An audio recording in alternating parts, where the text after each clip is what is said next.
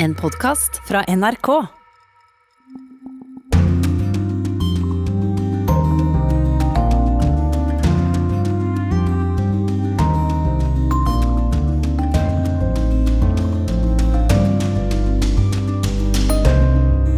Spent på grensa mellom Russland og Ukraina. Spørsmålet er om det blir krig. På russisk side er de klare. Lageret av våpen, ammunisjon og mat er på plass. Ting som tyder på at dette er noe mer enn tomme trusler. Utenriksministeren er med direkte i Urix på lørdag og kommenterer situasjonen. Og oppsummerer et år med Norge som medlem i Tryggingsrådet i FN. Viktig valg i et splitta Chile. Vi er i Santiago de Chile. Etter diktaturet ble alt privatisert, og verdiene som ble skapt, ble svært ulikt fordelt. Det er dette vi vil ha slutt på, og derfor er dette valget så viktig for Chile, sier valgkampmedarbeideren. Verdens rikeste mann har liten sans for verdens mektigste mann.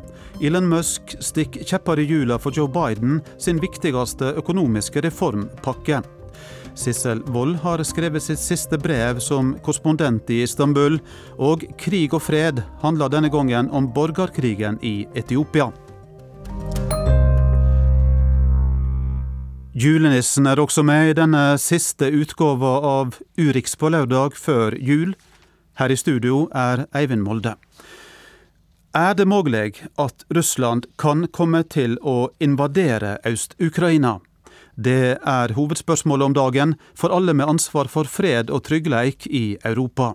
Russland truer med å bruke militærmakt dersom ikke landet får garantier om at Nato ikke blir utvida videre østover. USA og EU håper at trusler om nye straffetiltak er avskrekkende nok.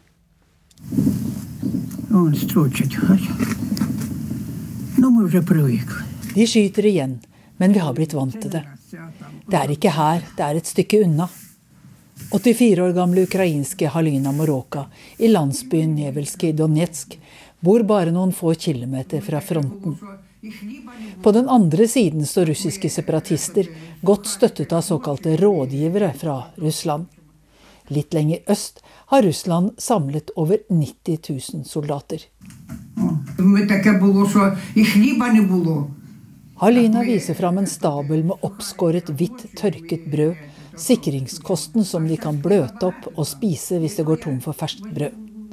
Det har skjedd før i den over sju år lange krigen. Kulde, gjørme og knuste ruter ble en vane, men ikke ensomheten. Jeg går ut, men det er ingen å snakke med, sier Halina. Det gjør vondt her, i sjelen, sier den krokete dama og peker på brystet. De som har noen å dra til, har allerede dratt. Ukrainske regjeringssoldater viser journalister vei i skyttergravene. Ми тут не панікуємо, готуємося до гіршого. Саме головне, щоб були готові, а там Vi har ikke panikk, men vi forbereder oss på det verste. Det viktigste er å være klar, sier den unge soldaten som kaller seg Kamomill. Militært er Ukraina underlegent Russland. Og på russisk side er de klare. Lagre av våpen, ammunisjon og mat er på plass. Ting som tyder på at dette er noe mer enn tomme trusler. Ukrainerne må være forberedt på å forsvare seg selv. For USAs president Joe Biden har gjort det klart at å sende soldater til Ukraina for å slåss mot Russland ikke er aktuelt. They never were on the. And are you ready to send American troops into war and go into Ukraine to fight Russians on their battlefield? Look, Er du rede til å sende amerikanske soldater til Ukraina for å slåss mot russere på slagmarken, spør Biden en journalist retorisk. Any further aggression against Ukraine will have severe consequences and would carry a high price. The Union will be in a position to take sanctions that could extract a massive cost. We have done our work in that respect. Et russisk angrep på Ukraina vil ha en høy pris, gjentok Natos generalsekretær Jens Stoltenberg da han møtte Ukrainas president Volodymyr Zelenskyj tidligere i uka. Torsdag kveld sa EUs president Ursula von der Leyen det samme. Men til nå har ikke straffetiltak mot enkeltpersoner og selskaper stanset Russland. Og de sanksjonene som vil ramme hardest, vil også ramme EUs medlemsland, blant andre.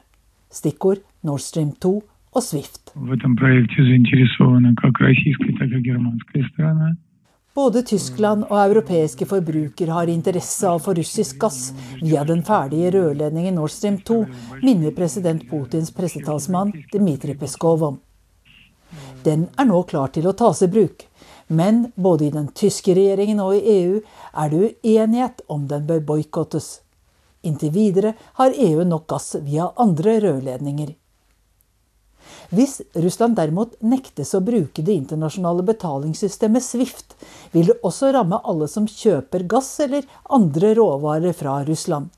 For ikke å snakke om europeiske og asiatiske firmaer som eksporterer biler og andre forbruksvarer til Russland.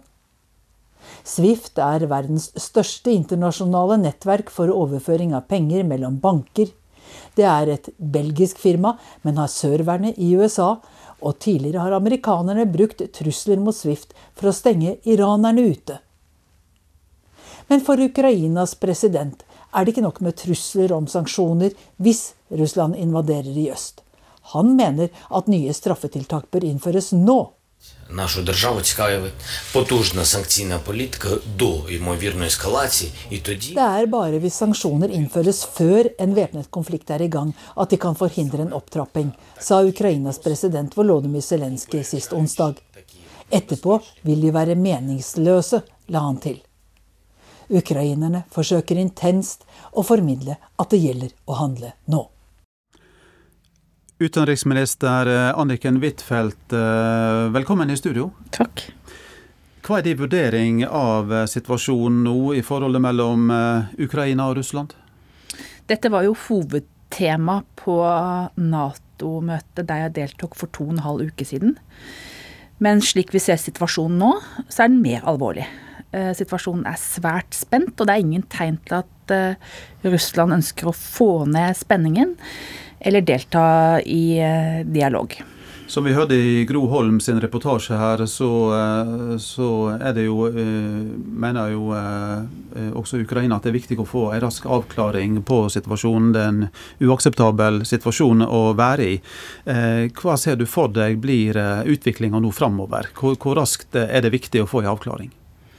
Det som er det viktigste nå, er jo å få til dialog slik at man kan bringe partene sammen. Dette Nato-Russland-rådet, som er et sentralt forum for samtaler, der ønsker ikke Russland å delta. De sitter nå med nøkkelen til en løsning, både ved å deeskalere, trekke tilbake militære styrker når det står 100 000 eh, rett utenfor Ukrainas grenser, så oppleves jo det som en veldig alvorlig trussel.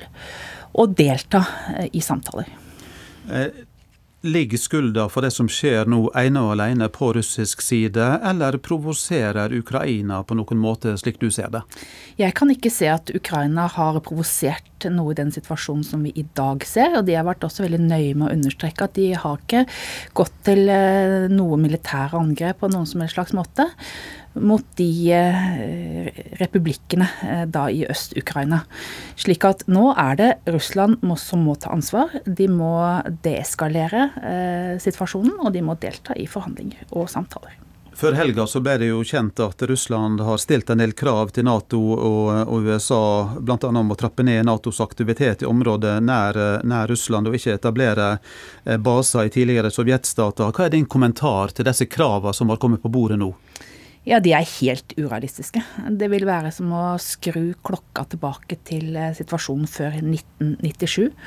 Og det er altså ethvert enkelt land som har eh, det hele og fulle eh, innflytelsen over hva slags tilknytning de skal velge. Hvilke internasjonale organisasjoner de skal være medlem av. Slik at det er helt urealistiske krav. Ja, når, når, når eh, altså Russland vil Det ser ut som Russland vil, vil, nærmest bestemme om Ukraina skal være med i Nato eller ikke, for å si det slik. Hva er din kommentar til det? Det er jo eh, et ethvert selvstendig lands ansvar å bestemme om hvordan utenrikspolitikken skal organiseres. Det er viktig for Norge. Det er viktig for tidligere sovjetrepublikker, og de har valgt det eh, gjennom demokratiske avgjørelser i sine nasjonalforsamlinger. Og det er det som er grunnlaget for ethvert lands selvstendighet. Hva slags kontakt har du med ukrainske og russiske styresmakter? Jeg møtte jo eh, både representanter for Russland og USA da jeg deltok på møte i Organisasjonen for sikkerhet og samarbeid i Europa i Stockholm for eh, noe over to uker siden.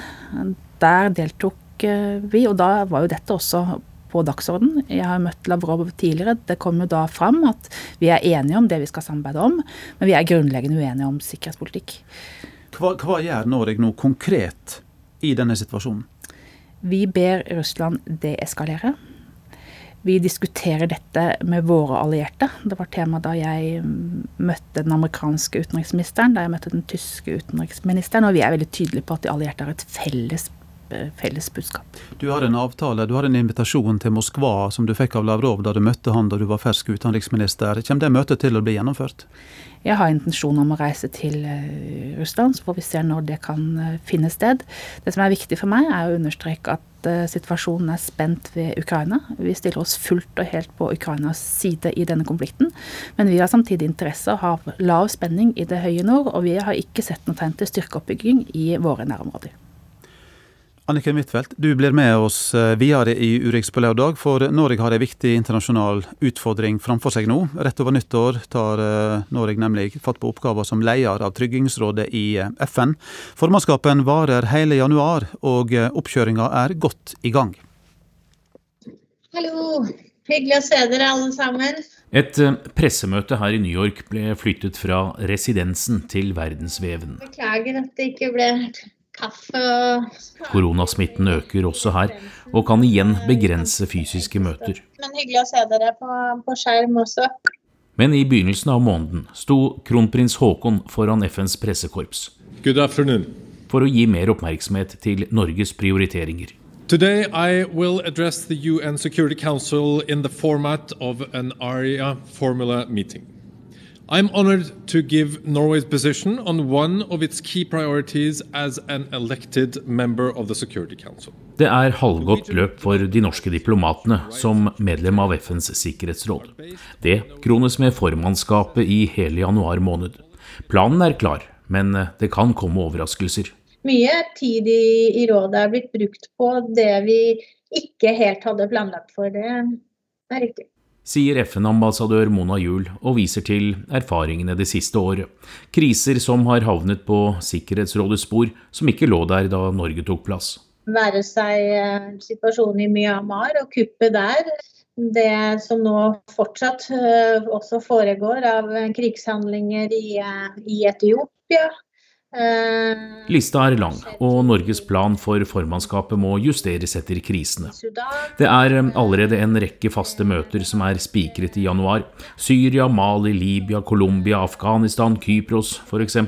Samtidig ønsker Norge å sette eget preg på formannskapet. Men det er verdenssituasjonen som fort avgjør hvordan formannskapet blir. Det som uroer meg, kanskje, eh, at vi har disse lagene som forsterker en vanskelig situasjon. Og det kan vi bare snu ved å jobbe sammen. Kronprinsen mener FN er arenaen for å løfte verden ut av fattigdom, pandemi og klimautfordringer, forskjellige lag av konflikter som ofte møter hverandre. Han er fortsatt goodwill-ambassadør for FNs utviklingsprogram, på 18. år. Organisasjonen har et veikart med bærekraftsmål fram mot 2030. Pandemien gjør det ikke enklere. Men hvor ille det har vært og hvor raskt det kommer opp igjen, det er litt for tidlig å si. Men det betyr jo at vi er nødt til å jobbe iherdig for å prøve å eh, få snudd det og få god framdrift mot eh, måloppnåelse. For dette er jo utrolig viktige ting, så, så dette kan vi ikke gi opp på. Det har vi ikke råd til. Рад возможности выйти с вами на прямую видеосвязь.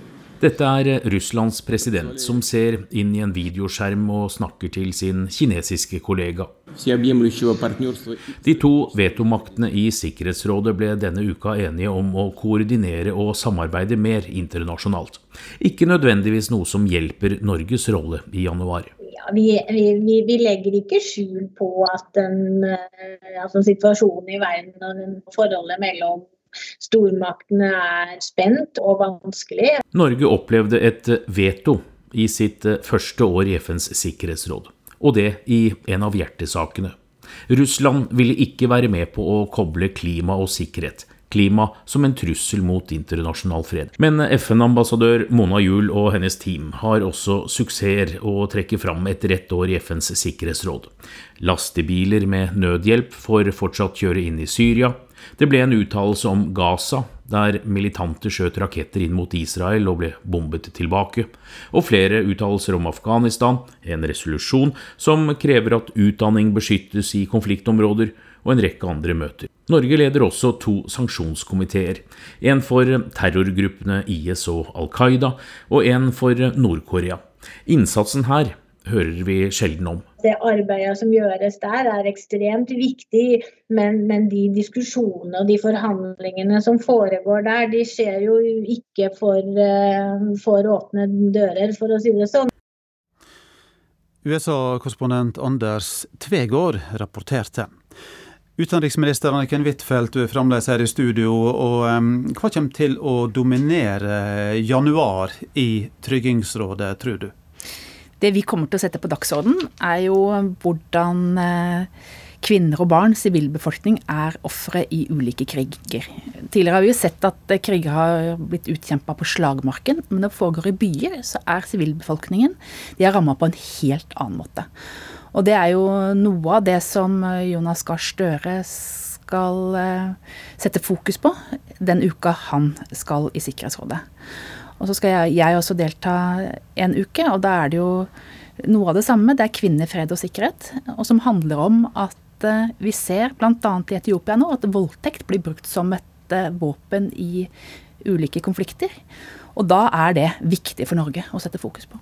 Vi hører at mye av løpet er lagt gjennom faste møter. Hvor stort spillerom har Norge egentlig? Det er jo ikke sånn at du i FNs sikkerhetsråd fremmer det som er Norges primærstandpunkt. Det er jo mye viktigere å få gjennomslag for en resolusjon. Og hvis vi fremmer et, eh, en perfekt resolusjon som eh, ingen stemmer for, så blir jo det nedstemt og får ingen betydning. Så det er jo å finne fram til noen felles punkter, da. Og det er det vi har klart i det året som har gått. At vi har klart å finne fram, til tross for at det er økende stormaktsrivalisering, at det er konflikter mellom mange land, så finner vi altså løsninger i noen akutte situasjoner. Og et område er jo krisen i Gaza. At vi fikk en våpenhvile der, hvor FNs sikkerhetsråd bidro veldig konstruktivt. Gjennom bl.a. et samarbeid mellom Tunisia, Kina og Norge. I løpet av perioden i Tryggingsrådet så har det jo vært et regjeringsskifte her hjemme. Innebærer det en kursendring for det norske arbeidet i rådet? Det gjør nok ikke det, for det er vanskelig å få gjennomslag for det som er kanskje Arbeiderpartiets eh, primærstandpunkter, eller for en Høyre utenriksminister å få gjennomslag for Høyres primærstandpunkter. I FN så må vi jo jobbe for å få gjennom presseuttalelser eller um, resolusjonsforslag som har brei tilslutning.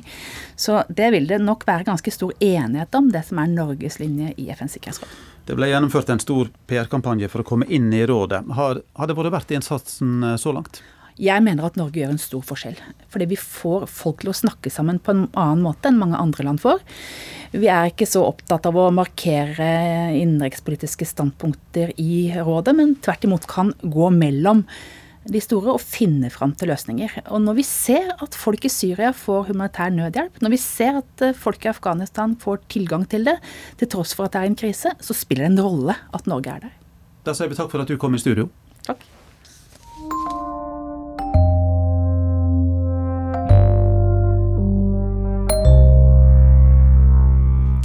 Elon Musk er årets navn i 2021. Det annonserte nyhetsmagasinet Time denne veka. Mannen som grunnla Tesla er i løpet av dette året blitt den rikeste mannen i verden. Men han er ikke noen tilhenger, av verdens mektigste mann. Elon Musk har den siste tida kritisert Joe Biden kraftig. Han kjenner seg ignorert av presidenten. Og nå kan han ha bidratt til at Kongressen nøler med å vedta Joe Biden sin viktigste økonomiske reformpakke. Hi. Elon. How are you? Say tomorrow you get a phone call from Joe Biden and he says. I think that's unlikely, but sure. okay. Elon Musk ler når han får spørsmål om hva han ville sagt om president Biden ringte. Han kommer neppe til å ringe, sier Musk tørt. Verdens rikeste mann, mannen som startet elbilprodusenten som i dag dominerer elbilmarkedet i både USA og mange andre land, har kranglet med den amerikanske presidenten i flere måneder. Og da han ble intervjuet av Wall Street Journal på en konferanse tidligere denne måneden, slo han virkelig på stortromma. Joe Biden forsøker å få Kongressen til å vedta den andre delen av den storstilte økonomiske reformplanen sin. Den skal øke størrelsen på den amerikanske velferdsstaten betraktelig, og også hjelpe mange amerikanske elbilprodusenter framover, slik at USAs bilpark blir langt grønnere. Men Elon Musk hadde dette å si om reformpakka. Honestly, I would just can this whole bill. Don't pass it. That's my recommendation. Jeg ville bare kastet hele denne pakka. Ikke vedta den, sa han. Denne uka ble Tesla Musk kåret til årets person av Time Magazine for alt han har gjort med elbiler og med romprogrammet SpaceX.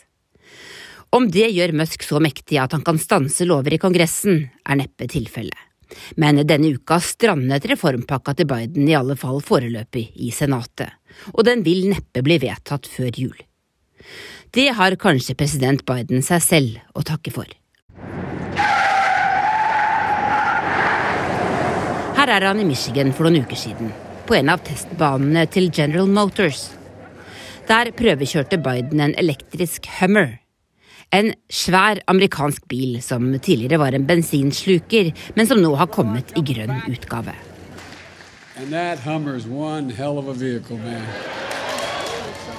Noen Tesla har Biden slett ikke prøvekjørt foran kameraene.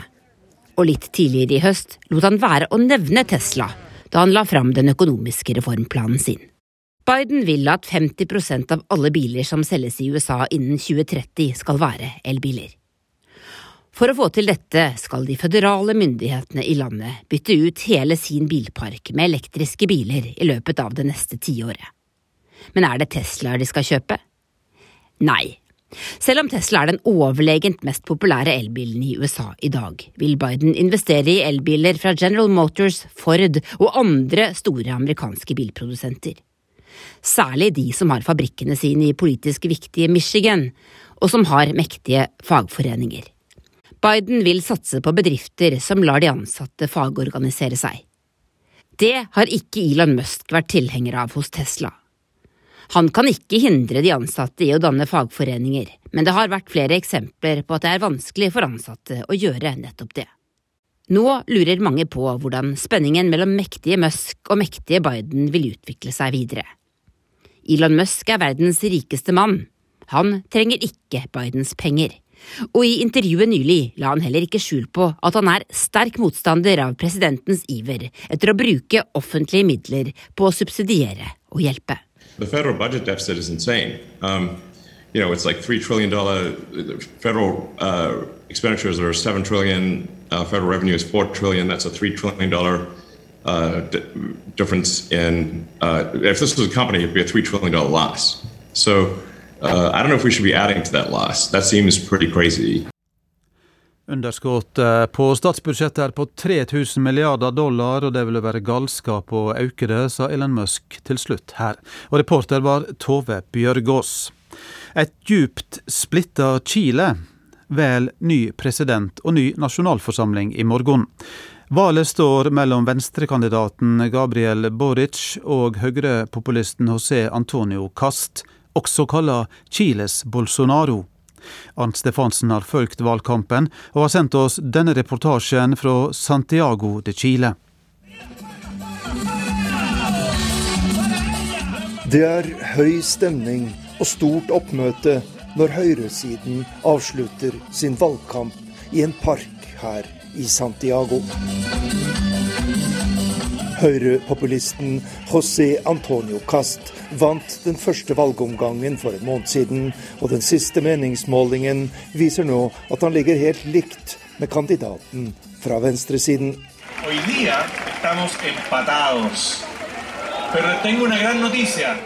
I øyeblikket er det jevnt, og jeg har en stor nyhet. På søndag kommer vi til å vinne, sier Kast, som går til valg med løfter om lov og orden, økonomisk liberalisme og konservative katolske verdier. Jeg besøker ekteparet Núñez Agiles, som bor i en hyggelig enebolig i et middelklassestrøk her i den chilenske hovedstaden. De har bestemt seg for å gi sin stemme til høyresidens kandidat. I den siste TV-debatten så vi at han er en solid person. En advokat og tidligere politiker som kan sine ting, sier Isabel Núñez. Det gir tillit til at han kan bringe landet ut av dagens krise, med korona og økonomisk tilbakegang, og med en sosial uro som nå har pågått i mer enn to år, sier hun. Jeg er på et marked i Santiago, der en gruppe valgmedarbeidere deler ut løpesedler for venstresidens kandidat Gabriel Boric. Han er mannen som kan fjerne den dype sosiale uretten her i Chile, sier lederen for gruppen, Rodrigo Vendaño. Vi er opprørt over uretten, ulikhetene og mangelen på sosiale tjenester.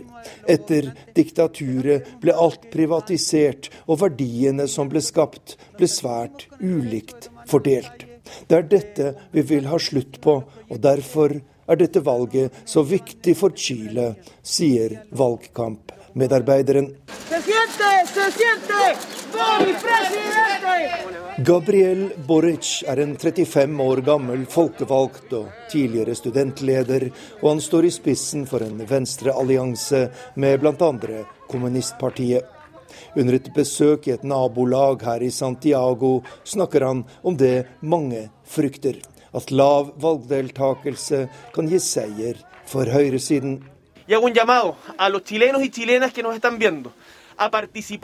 Jeg oppfordrer alle chilenere til å gå og stemme. Dere bestemmer om vi får en fremtid med rettferdig endring, eller skal gå tilbake til en ny utgave av diktaturet som vi hadde her i Chile, sier venstresidens kandidat. Kvinnekamp har spilt en større rolle enn ved noe tidligere valg her i macholandet Chile. Og denne uken arrangerte ulike kvinnegrupper et stort valgmøte der saker som selvbestemt abort og rettigheter for seksuelle minoriteter sto i sentrum. Nylig ble det vedtatt en lov som tillater likekjønnede ekteskap i Chile. En viktig seier, sier lokalpolitikeren Barbara Escobar. Kjærlighet er kjærlighet, og det må være frivillig hvem man skal gifte seg med. Den nye loven er et stort fremskritt, men nå står vi foran et valg der høyrekandidaten er en beundrer av den tidligere diktatoren Pinochet. Og hvis han vinner, kommer all fremgang for kvinners rettigheter til å forsvinne, sier lokalpolitikeren her i Santiago de Chile til NRK.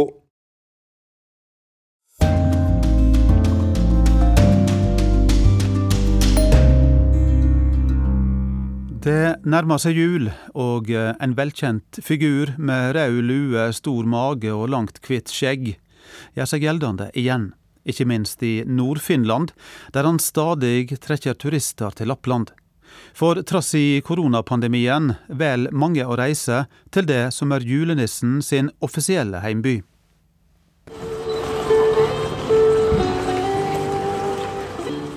Tett snøfall dekker den finske byen Rovaniemi i hvitt. Stedet tiltrekker seg mange turister, for her bor selveste julenissen. Han får brev fra barn over hele verden, men mange ønsker også å møte han i person. Derfor er det flere som velger å ta turen hit, til tross for pandemien. De fleste som kommer er britiske turister, men også franskmenn og italienere ønsker å treffe julenissen. En liten italiensk gutt viser frem gaven han har fått fra julenissen til en reporter fra nyhetsbyrået Reuters. Oh, you got a present. Cool. Come Santa di bello? Hvordan var han, spør mora. Snill, svarer gutten. Disse gjestene gir en etterlengta giv til Finlands turistindustri, som har slitt under pandemien. Well, this season looks like we are catching up so well for 2019. That was the record year for Lapland and for Rovaniemi. Denne sesongen ser vi ut til å ta igjen 2019, som var et rekordår, sier Sanna Karkaine, som er leder for Visit Rovaniemi. Men for å komme inn i Finland må turistene legge frem bevis for vaksinering, at de har testa negativt, eller at de har vært smitta med korona i løpet av de siste seks månedene. Turister fra enkelte land må også i innreisekarantene. Dette har gitt Finlands turistindustri muligheten til å holde åpent. Vastaanototiskillä koronapassi ja sen jälkeen tällä alueella pystyy sitten osallistumaan kaikkiin aktiviteetteihin. Vi ber alle gjestene våre om å vise frem koronapasset i resepsjonen, sier Harry Malinen, som er sjef for et hotell i nærheten. Oh, hello from Rovaniemi at the Arctic Circle here in Lapland. Julenissen selv er glad for besøket han får, men reflekterer over innvirkninga pandemien har hatt. We have been living this extraordinary time for almost two years now. It's a long time for every one of us, but just imagine of a six-year-old child. The pandemic time has been almost third of their lives. Vi har levd med denne ekstraordinære tida i nesten to år. Det er lang tid for hver og en av oss, men bare tenk på hvordan det er for et seks år gammelt barn, sa julenissen i sin årlige tale. Han kom med ei oppfordring til årets julefeiring. Now it's time to turn these worries into plenty of goodwill. From all of my heart, I wish you all happy and merry Christmas. Og reporter her var Mariann Strand.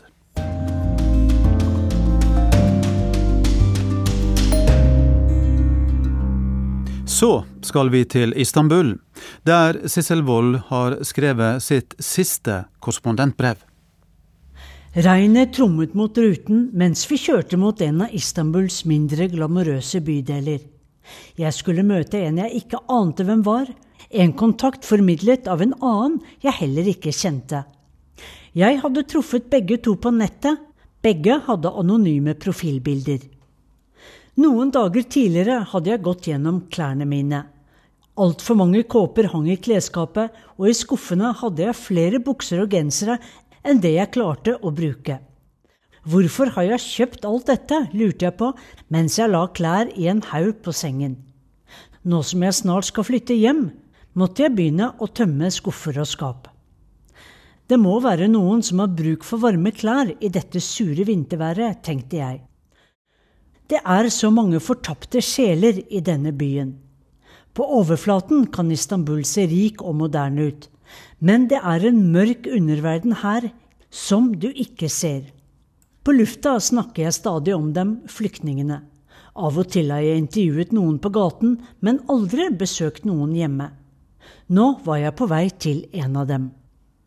Til alle tider har bølge etter bølge av håpefulle funnet veien hit, enten byen het Bysants, Miklagard, Konstantinopel eller Istanbul. Under den spanske inkvisisjonen i 1492 f.eks. rømte spanske jøder til det osmanske riket. De ble ønsket velkommen av sultanen, som så dem som en berikelse for imperiet. Etter den russiske revolusjonen i 1917 kom verdens mest fornemme flyktninger. Da ankom adelen og overklassen fra St. Petersburg og Moskva. Da den blodige borgerkrigen i Syria brøt løs, kom syrerne. Også de ble ønsket velkommen, fordi alle forsto hvorfor de flyktet. President Erdogan og hans partifeller sa at dere er våre brødre, og vi vil hjelpe dere. Men som den regntunge vinteren har også den tyrkiske gjestfriheten mot flyktninger kjølnet. Da Taliban tok makten i Afghanistan i august, ble tyrkerne nervøse. Det er klart vi synes synd på afghanerne, men vi har allerede fire millioner syrere. Jeg er ikke rasist, men de kan ikke komme hit sa alle jeg traff i høst, uoppfordret. Og hvem kan bebreide dem? Tyrkia har den største flyktningbefolkningen i verden. Men afghanerne var på vei. Alle vestlige land har vært involvert i Afghanistan-krigen. I likhet med meg følte også mine tyske kolleger på kontoret i Istanbul et medansvar da Afghanistan kollapset og mørkemennene i Taliban inntok Kabul. Våre land hadde hatt tropper der i 20 år. Og bare uker senere strømmet afghanere over grensen til Tyrkia. Men de kom for sent. Sympatien, gjestfriheten og tålmodigheten var brukt opp av syrerne. Nå får andre stille opp, sier tyrkerne. Kunne jeg gjøre noe? Jeg hadde i alle fall alle disse klærne, så jeg spurte på Facebook-siden Foreign Women in Istanbul. Og etter et par dager fikk jeg en melding fra en som het Ayesha. Jeg kjenner noen, skrev hun. En ung kvinne og foreldrene hennes. De trenger hjelp, pledd og varme klær og sånn. Ayesha sendte et WhatsApp-nummer med navnet Paris High. Hva trenger dere? Hvor bor dere? Er dere fra Kabul? spurte jeg. Ja, Kabul. Huset her er kjempekaldt, og vi fryser. I stedet for et profilbilde hadde hun skrevet på svart bunn. En sulten mage, en tom lomme og et knust hjerte lærer deg de mest verdifulle leksjonene i livet. Vi, sjåfør Sefar og jeg, skulle møte henne ved en park. Vi kjørte sakte for å se etter noen som kunne passe. Og der, i en lyseblå boblejakke med grå hette, sto hun, med bøyd hode som om hun prøvde å gjøre seg usynlig. Hun var ung, litt over 20 år. Sammen bar vi bagene med klær og tepper inn i en knøttliten heis. I leiligheten kom foreldrene mot meg. Moren holdt hendene frem i takknemlighet. Jeg følte meg brydd, for de hadde veldig lite å takke meg for. Vi satte oss rundt et lite bord i entreen. Jeg ville høre alt om dem. For her var de tre mennesker som tilhørte begrepet flyktninger, dem jeg stadig rapporterte om, mest som statistikk, som en mengde og et problem. Etter Kabuls fall kom de seg på et fly til Iran. Der betalte vi en smugler masse penger for å ta oss over grensen til Tyrkia, ved Van, forteller Parisai. Hun jobbet først på en fabrikk, forteller hun, men der ble jeg underbetalt av folk som utnytter flyktninger. Nå forsøker hun å finne en jobb som barnevakt. Pengene våre strekker bare til leie og litt mat, vi har ikke nok til å varme rommet, forteller hun og sier at de deler kjøkken og bad med et annet par. Men hvordan får dere penger nå, spør jeg. Vi har solgt alt gullet mitt, forteller moren. Hun tar seg til ørene og halsen for å vise hvor gullsmykkene hadde vært. Vi har bedt om hjelp på flere offentlige kontorer her, forteller de. Men tyrkerne sier at vi kunne ha hjulpet dere om dere var syrere, for syrerne er i systemet, men det er ikke dere afghanere. Afghanerne kom for sent. De er ikke velkomne, enda alle vet hvorfor de rømmer. Paris High skulle begynne på en master i medievitenskap i høst. Broren på 30 år studerte også ved universitetet. Paris High er på gråten hver gang hun snakker om broren, som ikke har gitt livstegn fra seg siden august. Det er derfor mor er så syk, hun bekymrer seg i hjel. Og jeg er helt alene med foreldrene mine her. Ja, jeg er så alene, sier Paris High med skjelvende stemme mens hun følger meg ut av heisen. Jeg er helt utslitt, sier hun, jeg ser bare mørket. Og så begynner hun å gråte. Hvorfor er verden så fordømt urettferdig, tenker jeg igjen. Jeg er på gråten, jeg også. Hvorfor ble akkurat jeg født i Norge, og hun i Afghanistan? Men når verden først er slik, er det viktig å vite at alle kan gjøre litt. Et raskt spørsmål i en Facebook-gruppe ledet meg til denne familien. Men hvor skulle de henvende seg videre for å få mer hjelp? Dagen etter tastet jeg et kjapt spørsmål i en WhatsApp-gruppe, og sendte også en mail til den norske ambassaden. Deretter fikk jeg viktig informasjon som jeg kunne sende videre til Parisai. Ofte skal det ikke mer til for å sende litt lys inn til noen som sitter i mørket. Prøv det gjerne, du også. Fra Sissel Wold skal vi over til ei eh, ny utgave av podkasten Krig og fred. Temaet denne gangen er borgerkrigen i Etiopia. Vi ønsker fred. Etiopia, folk i Etiopia. Vi er ett folk. Krigen mellom Abiy Ahmed og Tigray-folkets frigjøringshær kan ende med en katastrofe. Når verdens stormakter nå har begynt å forsyne begge parter i den etiopiske konflikten med våpen. Etiopia hassas bir süreçten geçmektedir. Dette er en, eh, en, katastrofe, og partene forstår det ikke kanskje ennå, men det er en katastrofe for begge parter. Kan Etiopia, en av verdens eldste stater som inntil nylig var omtalt som en suksesshistorie på Afrikas Horn, ende med å gå i oppløsning?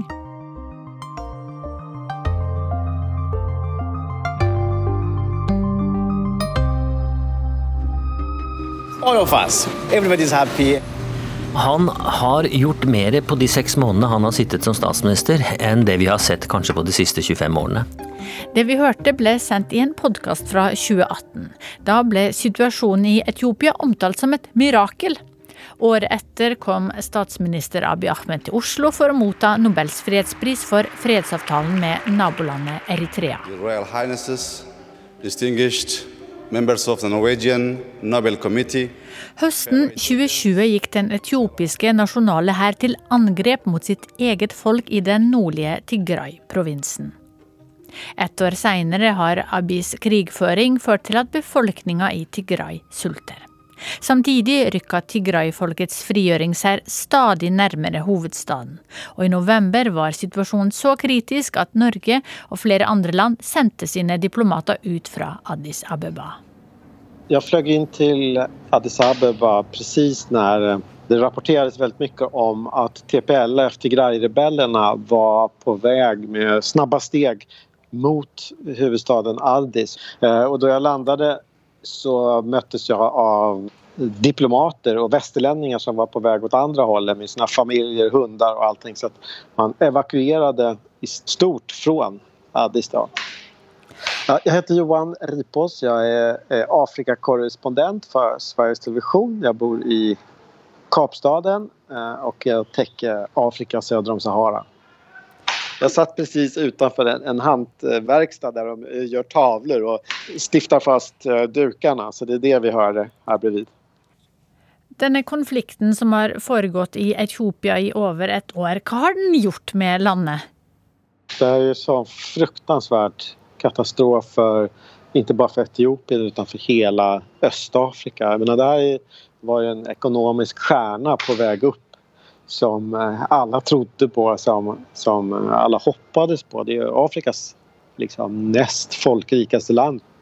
Som ett, tu, tre faller ihop i et fruktansvärt blodigt inbördeskrig som riskerar å dra med seg til og med länder i kring det som redan har gjort det i form av Eritrea. Det har vært mindre skärmytslingar med Sudan. Så det er en, en tragedi av, av, enorma mått. Så man får bare håpe at landet kan holde ihop. Men eh, det beror jo alldeles på hvordan det fortsetter. Det er sånne voldsomme overgrep som begås i landet. Du har snakket med eh, folk i Addis. Eh, er det sånn nå at det har blitt skapt et hat mellom de forskjellige etniske gruppene som Etiopia består av? Ja, det finnes jo absolutt det. Og det er et hat som, som vokser i takt med at overgreppen begås, i takt med att människor forlorer sine nära og kära i takt med at människor blir, gjemmer seg, blir jagade.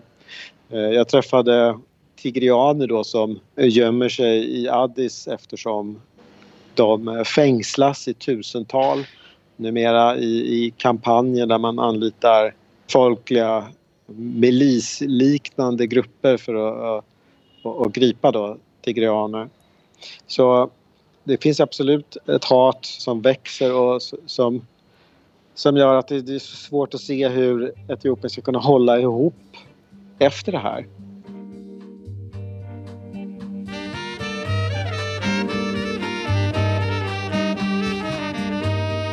Det er et land da, som ifølge sin egen skapelsesregende kan spores, eh, spore sitt helt tilbake til eh, ekteskapet mellom dronningen av Saba og kong Salomon. Og eh, fra 200-300-tallet så kom det en sterk eh, stat, en så sterk stat at den staten var nevnt i Koranen når de holdt på med militærfelttogene sine i Saudi-Arabia. En så sterk stat at du kan fortsatt finne etiopiske palasser utenfor Sanaa i Jemen. Jeg er eh, professor Stig Jarle Hansen. Jeg jobber ute på NMBU, hvor jeg leder eh, masterprogrammet deres i internasjonale relasjoner, og har eh, vært interessert i Etiopia i hvert fall 21 år. Mange av disse folkegruppene har vært knyttet sammen, men de har alltid vært folkegrupper også, veldig lenge. Så har du da den største folkegruppen som kom litt seint. Oromoene kom inn litt seint eh, og eh, skapte da noe som lignet folkevandringstiden i Europa. Som utfordret statsdannelsen, men eliten ble på en måte inkorporert i statsdannelsen. Eh, Etiopia ser på seg selv som flaggbærerne av den afrikanske enhetstanken, og også Afrika generelt, fordi de hadde den første seieren over en hvit kolonimakt som faktisk skapte varige virkninger. Sånn at eh, Etiopia ble egentlig aldri fullt ut kolonisert. De, de sto der som en bauta under kolonitiden. Denne konflikten mellom Tigray og sentralmakten i Addis, er det en eldgammel etnisk konflikt? Nei, altså det er det som er det rare her. Altså, du har hatt selvfølgelig spenninger i historisk tid, hvis jeg kan bruke det uttrykket. Det er ikke veldig presist, men du har hatt spenninger noen ganger mellom Tigray og sentralmakten. Men tigrayanerne har jo hatt keisere i det etiopiske imperiet. Altså, mye av dette her løper nok 40-50 år tilbake til Dergens maktovertagelse, for Dergen var et veldig brutalt regime som får dagens eh, stridende parter til å virke mykere, og dette er jo en rar måte å si det på, for de er ikke myke i det hele tatt. Men Dergen var et veldig brutalt regime som på en måte skapte mye utrygghet i Etiopia, som satte fokus på mange av disse konfliktlinjene og skapte noen av disse konfliktlinjene.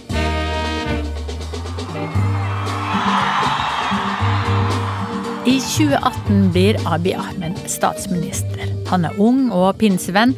Faren er Oromo, moren Amhara. Abiy er ikke folkevalgt, men overtar makta i det styrende koalisjonspartiet EPRDF, som han døper om til Velstandspartiet.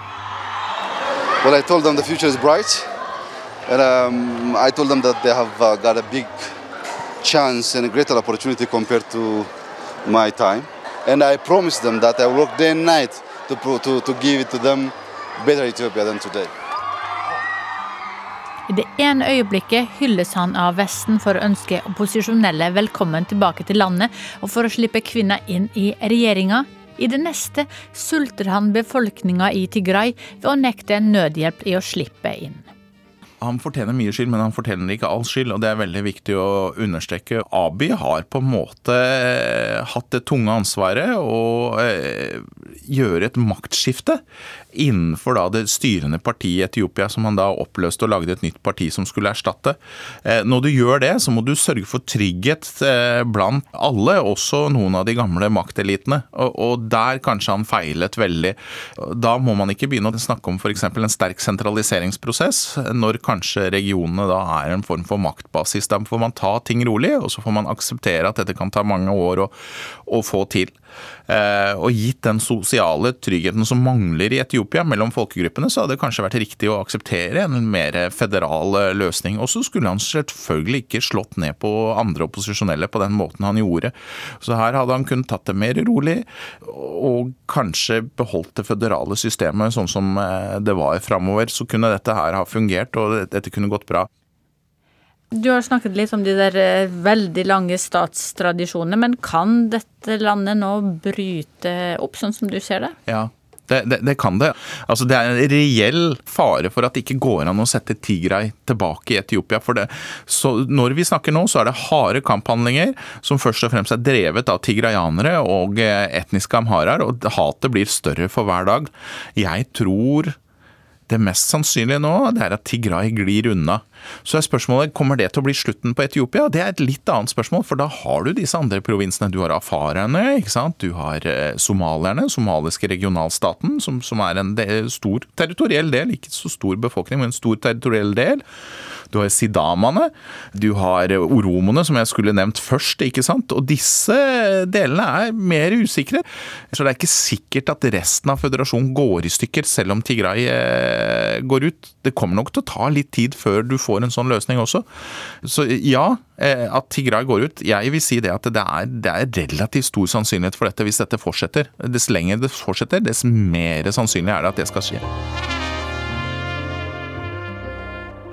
For etiopiere som støtter Abis regjering, er det vanskelig å godta en oppsplitting av landet. De fleste etiopiere er ikke bekymret for at landet skal gå i oppløsning. Men det vi er eh, redde for og opplever en sånn type sterk frykt, eksistensiell frykt, er for at Amerika skal bombe, eller Vesten kommer til å bombe, som, som de gjorde i Libya eller som de gjorde i Syria og andre steder. Og det, den, den frykten er veldig eksistensiell.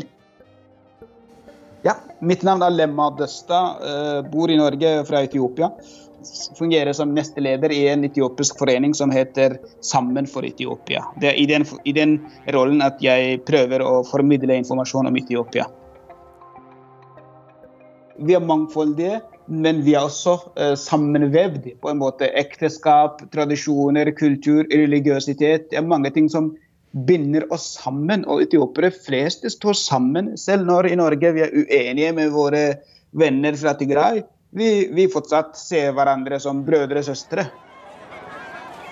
ልዩ ልዩ ዝግጅቶቻችን እነሆ ከደቂቃዎች በኋላ ወደ እናንተ የሚሻገር ይሆናል። Jag minns att jag stod och tittade tittade på ett sånt här massmöte med tusentals, tiotusentals unga människor som, som hyllade Abiy och som, som hade uppmanats att samla ihop sina vapen och ta sig till fronten. Att vara där och se och höra framförallt om illa beväpnade unga människor som, som åker ut till ett krig där man möter hårt drillade, tuffa skickliga, erfarna militärer som TPLF ju är. Och man vet att väldigt många av dem kommer bara mejas ner. Det är ju fruktansvärt. Du Johan, hvis du spør folk som bor i Etiopia hva de er, svarer de vi er oromo eller tigraier, eller svarer de vi er etiopiere? Jeg tror att det er skillnad på storstad og landsbygd her. I, i Addis som jeg var, det er jo en en, melting pot. Liksom, och där var man väldigt noggrann med att man, man talar om sig själv som etiopier. Och det är också...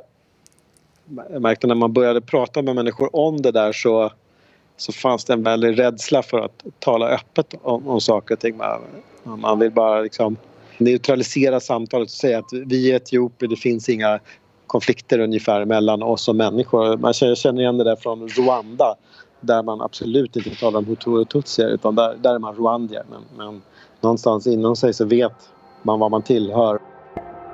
The conflict in Ethiopia is a threat to peace and security in the Horn of Africa. And that is... Tigray bölgesindeki gelişmeleri Addis kan falle, ble det meldt i november. Statsministeren vil måtte rømme landet. Ingenting av dette har skjedd, og nå har tyrkiske og kinesiske droner blitt observert i Etiopia. Hvordan vil militærstøtten fra utlandet påvirke borgerkrigen?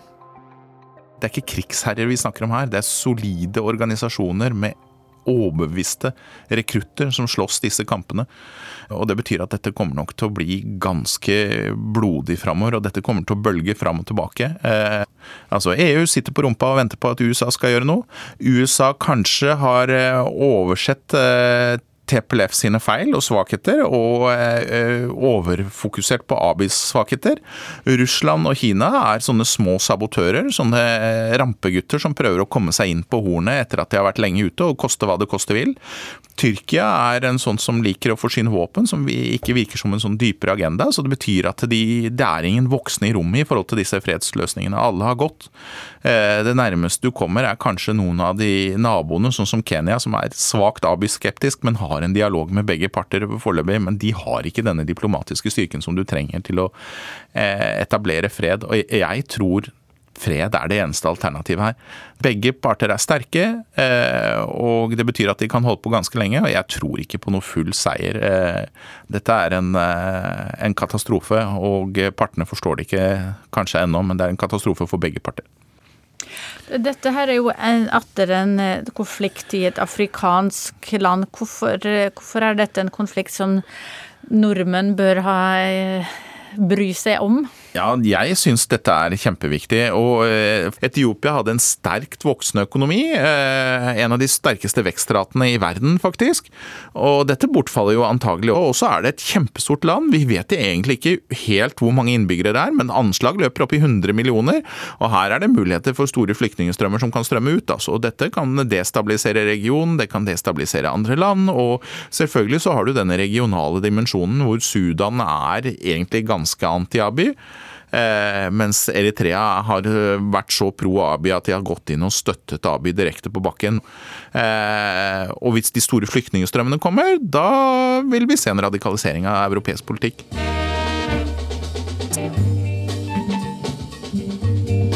Du har hørt podkasten Krig og fred, laget av meg, Sofia Perskevic Hilde Tosterud har stått for lyddesignet, mens Sigurd Falkenberg Mikkelsen har redaktøransvaret.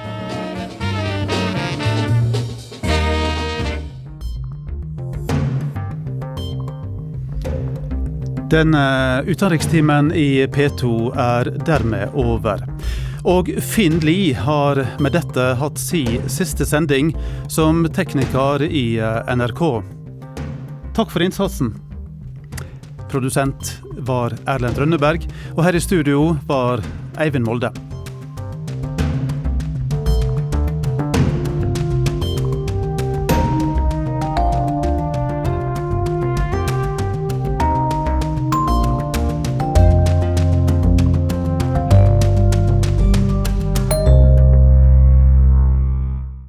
Du har hørt en podkast fra NRK.